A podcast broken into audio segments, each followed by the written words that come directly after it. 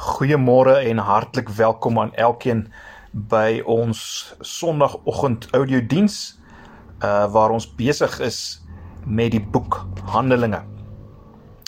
Voor ons gaan kyk na Handelinge 12 vers 1 tot 24. Kom ons bid net saam. Here, ons kom na U toe met 'n verwagting dat U vir ons iets sal wys en sal leer as gemeente en as individue uit hierdie gedeelte in Handelinge 12. Ag Here, U ken ons. U weet hoe ons lyk. Uh U weet waarmee ons worstel. Hoor ons gebed as ons vra dat U met ons vanoggend sal praat in Jesus se naam. Amen. Nou ja, ons gaan kyk na Handelinge 12 vers 1 tot 24. Gaan lees asseblief hierdie gedeelte gou voordat uh jy saam met my daarna gaan kyk. Handelinge 12 vers 1 tot 24. Nou ja, ek dink julle sal saamstem. Ons leef in 'n tyd waarin mense alles aanvaar en oor niks meer passievol is nie. 'n Tyd wat gekenmerk word deur 'n versuip in al die inligting wat ons kry, nie waar nie? 'n Tyd waarin verskriklik baie leiers geestelik en polities ons teleurstel. En die gevolg van al hierdie dinge is dikwels 'n 'n koudheid, 'n verveeldheid en 'n sinisme by die algemene publiek daar buite. Maar kom ons los vir 'n oomblik die algemene publiek en ons bedink die situasie in die kerk, ons eie situasie. Kom ons dink oor die koudheid en verveeldheid en sinisme binne in die kerk. Selfs dalk binne ons eie gemeente. Ek dink die bewys van hierdie toestand van koudheid en verveeldheid en sinisme is die feit dat iets soos gebed eintlik nie meer figureer in kerke en gemeentes nie. Mense sukkel verskriklik om mense by bidgeleenthede van watter aard ook al te kry. En daarmee saam gebeur daar eintlik niks meer bonatuurliks in enige gemeente, veral nie in sogenaamde gereformeerde gemeentes nie. Wanneer laas het ons in ons eie gemeente 'n radikale bekering beleef uh deurdat 'n lidmaat uh, getuig het tot 'n nie-Christen daar buite en die persoon bygevoeg is by die gemeente? Wanneer laas is iemand radikaal genees nadat daar gebid is vir 'n persoon? Ek praat van iets bonatuurliks wat almal weet dit was van God. Want ek vermoed al die aansprake op bonatuurlike dinge in sekere kringe uh, wat duidelik deur week is van vermaak en en dikwels meer okkulties as geestelik lyk, maak ons baie sinies en skepties oor hierdie goed. En dit dra by daartoe dat ons niks verwag nie en uh tevrede is dat dinge maar net aangaan soos altyd. Die gevolg hiervan is natuurlik ook dat niemand buite die kerk eintlik geplaas oor wat die kerk doen en nie doen nie. En daarom word ons ook bitter min vervolg. Die kerk in die westerse wêreld weet baie min daarvan. Wat weet ons self daarvan? Dikwels as die as die uh as die kerk iets doen waarvan die wêreld nie hou nie, dan maak die kerk gou-gou 'n aanpassing wat dit betref. Ehm uh, mens dink maar net aan wat nou aan die gang is rondom selfde geslag huwelike en so meer. Maar goed, hoekom noem ek al hierdie dinge? Wel sodat ons die kontras van ons eie tyd en selfs ons eie gemeente net weer kan sien. As ons kyk na Handelinge 12 vers 1 tot 24. Want hier is nie sprake van veeltyd nie. Hier is vervolging, maar hier is ook gebed en die bonatuurlike antwoord op gebed. Hier is 'n bewys van koning Jesus wat geen teenstand duld nie. So kom ons kyk wat sien ons hier en wat sê dit vir ons? As ons gaan kyk na hierdie gedeelte, sal jy heeltyd baie interessante betekenisvolle ironieë in hierdie gedeelte raak sien. Ons kry hierdie gedeelte weer vervolging, dis hoe dit begin. Uh iets wat natuurlik nou teen hierdie tyd nie meer onbekend is nie, want vanaf Stefanus het dit al meer algemeen geword. Hier is dit koning Herodes of Agrippa 1 as jy wil wat uh, volgens vers 1 tot 1 tot 2 Jakobus, een van die apostels met die swaard vermoor. En dis nou die eerste keer dat een van die apostels so sterf. So dis wat ons hier sien. Nou Herodes was meer populêr onder die Jode as die ander Herodese waarvan ons weet, waarskynlik omdat sy skoonmoeder 'n sogenaamde as uh, asmonier was. En hy het baie hard probeer om die Jode se goedgesindheid te verwerf. En uh, toe hy besef dat die Jode baie gelukkig was oor die dood van Jakobus, het hy Petrus ook uh gevange geneem. En net so terloops, hierdie insident wys vir ons natuurlik dat die uh dat die verhouding tussen die Jode en die Christene het uh, baie agteruit gegaan vanaf uh die gebeure by Pinksterdag waar ons nog sien daar in Handelinge 2 vers 47 dat uh die gemeente in guns was by almal. Dit lyk hier uit die verwysing na Jode in die algemeen dat uh Jakobus se dood redelik deur almal as positief gesien is. En dis geweldig. Maar goed. Kom ons kyk 'n bietjie verder na hierdie gedeelte en uh, soos reeds genoem, hier's heelwat ironie in hierdie gedeelte. Het jy dit raak gesien? Die inhegtenisname van Petrus vind plaas volgens vers 3 gedurende die fees van die ongesuurde brode. Dit wil sê die Pasga. So dink daaraan op dieselfde tyd dat die Jode die bevryding van die volk deur God se ingrype van verlossing in die verlede ter, ter, op dieselfde tyd dat hulle dit vier word 'n boodskapper van hierdie selfde God en hierdie God se verlossing en bevryding gevang om die Jode te behaag en gelukkig te maak. Dit laat dink mens natuurlik ook onmiddellik aan Jesus en die tyd waarop hy gevang is en gekruisig is. Maar maar, maar dink daaroor, terwyl hulle die grootste ingryping van verlossing van alle tye gevier het, probeer hulle die, die verteenwoordiger van hierdie verlossing en hierdie verlosser uit die weg ruim in vers 11 geweldig ironies. Maar teenoor hierdie donker prentjie gee Lukas ook vir ons 'n prentjie van 'n passievolle kerk, nê. Nee, die kerk is 'n ernstige gebed tot Petrus. Die kerk is 'n ernstige gebed tot Petrus in vers 5. Ons lees dat 'n aanhoudende gebed het uh, deur die gemeente van hom opgegaan. Dis dieselfde idee wat ons reeds kry in hoofstuk 1 vers 14 as die gemeente bid vir die vir die uitstorting van die Heilige Gees. Daar's volhardende gebed, aanhoudende gebed, ernstig, passievol.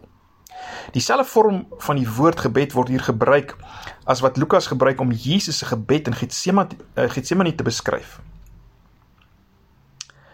Wat ook nogal interessant is. Die feit dat Lukas verwys na die gebede wat opgegaan het, laat my ook sommer dink aan die prentjie in Openbaring waar ons in Openbaring 8 vers 3 lees en 'n ander engel het gekom en met 'n goue wierookbak by die altaar gaan staan en baie reukwerk is aan hom gegee om dit met die gebede van al die heiliges op die goue altaar voor die troon te lê. En dan lees ons in vers 4 van Openbaring 8 en die rook van die reukwerk het met die gebede van die heiliges uit die hand van die engel opgegaan voor God. Daar is dieselfde woord, opgegaan voor God. En dan in Openbaring 8 vers 5 lees ons en die engel het die wierookbak geneem en dit met vuur van die altaar volgemaak en dit op die aarde gegooi. Met ander woorde, na hierdie gebed van die gelowiges, uh gebeur daar dinge op aarde. Gebeur daar dinge op aarde vanuit die hand van God. En dis wat ook hier gebeur. Maar kom ons dink net aan die prentjie. Petrus lê hier in slaap in die tronk. Nou dis nogal ironies, uh, want op uh, uh, toe toe Jesus uh, nog saam met hulle was, sal julle onthou was Petrus eintlik altyd die ou wat baie bekommerd was oor alles. Dink maar net aan die geleentheid toe hulle op die meer was, toe hulle toe Jesus gesê het hulle moet oorvaar na die ander kant en daar kom 'n storm op. Toe het Jesus gelê en slaap. En Petrus het uitgeroep maar gee nie om dat ons vergaan nie.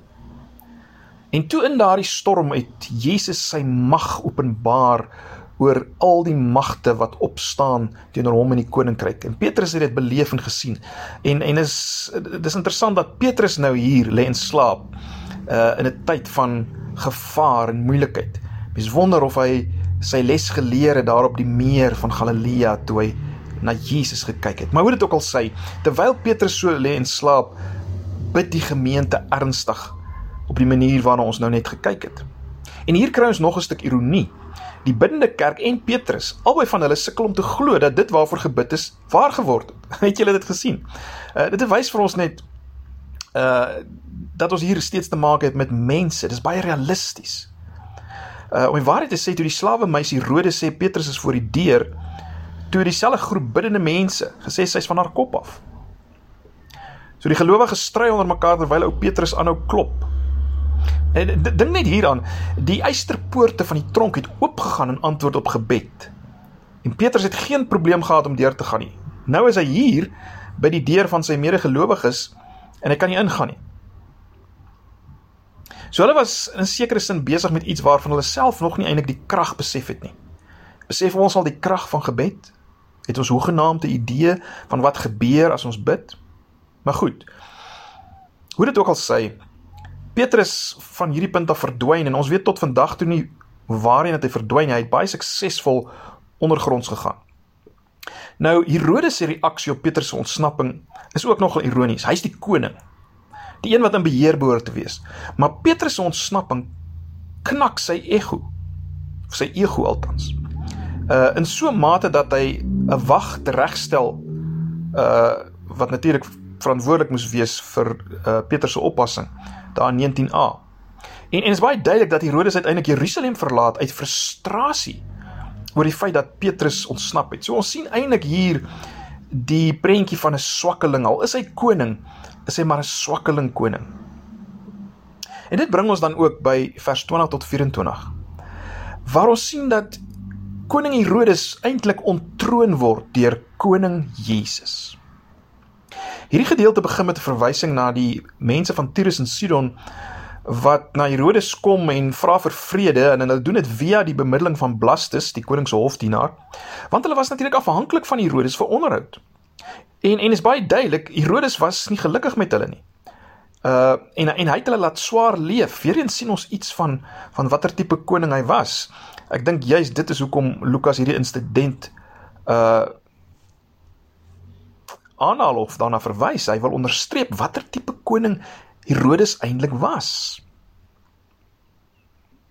En dit lei as te ware die gebeure in van vers 21 waar ons lees op 'n bepaalde dag het Herodes 'n koninklike kleed aangetrek en op die troon gaan sit en hulle toegespreek.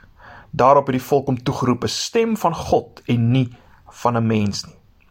So die mense eer Herodes, die Herodes wat totaal anders is as God egoïsties, selfgesentreerd, hard op ander. Die Herodes wat so anders is as koning Jesus. Is dit vreemd dat as die mense hom as God besing, dan lees ons en onmiddellik het 'n engel van die Here hom getref omdat hy die eer nie aan God gegee het nie en hy is deur wurms verteer en het gesterwe. Jy sien, hy het nie die mense stil gemaak toe hulle hom besing het as 'n god nie. Hy het hy het dit gevat, daardie eer vir hom gevat. En God deel sy eer met niemand nie. Gaan lees maar weer uh in die boek Daniël wat het met Nebukadneser gebeur. Maar jy sien God om dit so te stel duld nie hierdie dinge in hierdie atmosfeer waar die gemeente 'n passie gehad het vir God soos gesien in hulle gebed nie. In 'n atmosfeer waar koning Jesus verheerlik word. In hierdie atmosfeer duld God duld Jesus geen teenstand van wêreldse magte en wêreldse konings nie. As hy nie geëer word as koning en God nie, dan gryp hy bo-natuurlik in. Hy gryp bo-natuurlik in. So ons sien hier die kontras eintlik tussen twee konings, nie eksplisiet nie, maar implisiet. Lukas maak nogal baie in sy evangelie van Jesus as koning. En hy wil verseker ons moet die geweldige kontras tussen koning Jesus en koning Herodes sien. Wie oorwin? Wie oorwin uiteindelik? Wel, die een aan wie alle mag behoort, in hemel en op aarde. Jesus, die koning van alle konings. Dit is baie belangrik om die volgende frase te sien na in vers 24, maar die woord van God het gegroei en toegeneem. Lukas wil daarmee wys dat dat hierdie duidelike bonatuurlike gebeure as te ware die verklaring was van wie die regte koning is. En dit is 'n stimulus vir die verspreiding, die verdere verspreiding van God se woord, die woord van koning Jesus, van wie hy is en wat hy kom doen het. En die waarmaak van Handelinge 1 vers 8 wat sê dat die die evangelie gaan versprei onder krag van die Heilige Gees tot aan die eindes van die aarde. So vers 24 pas daarbey in as hy as daar staan die woord van God het gegroei en toegeneem. Dis die belofte van Handelinge 1 vers 8. Krag waarvan Handelinge 1 vers 8 praat is ook hier sigbaar. En die woord van God neem toe en versprei. Dis geweldig.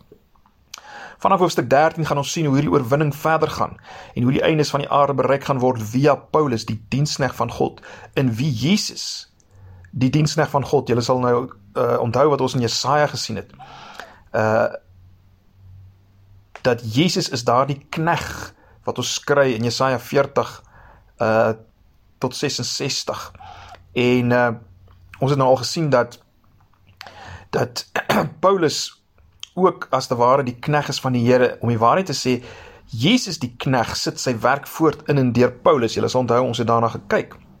Eh, net so terloops, ons sal weer daarna kyk, maar dit is interessant. Paulus beweeg ook van hierdie punt af eintlik weer na Jerusalem. Baie ironies om in die tempel gevang te word. En mens sien dadelik die parallel met Jesus. Maar goed, kom ons bring alles bietjie nader aan ons. Nou, 'n mens kan nie anders as om die belangrikheid van gebed weer hier te sien nie.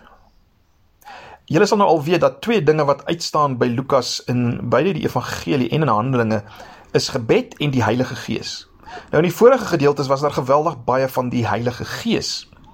Uh ons het miskien uh, eintlik te min daarvan gemaak, te min daarna verwys, maar gaan kyk maar weer, weer en weer was die Heilige Gees aan die werk en die Heilige Gees het vir mense gesê om sekere dinge te doen en so meer en uh daar's profesie gewees deur die Heilige Gees uh, en al hierdie dinge.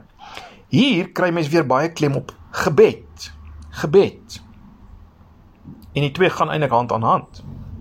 Maar baie belangrik, ons moet hier sien dat gebed nie werk soos 'n autobankmasjien nie, né? Nee. Met ander woorde, druk die kaart van gebed in en jy kry uit wat jy wil nie. Nee, ons bid omdat ons God aanbid.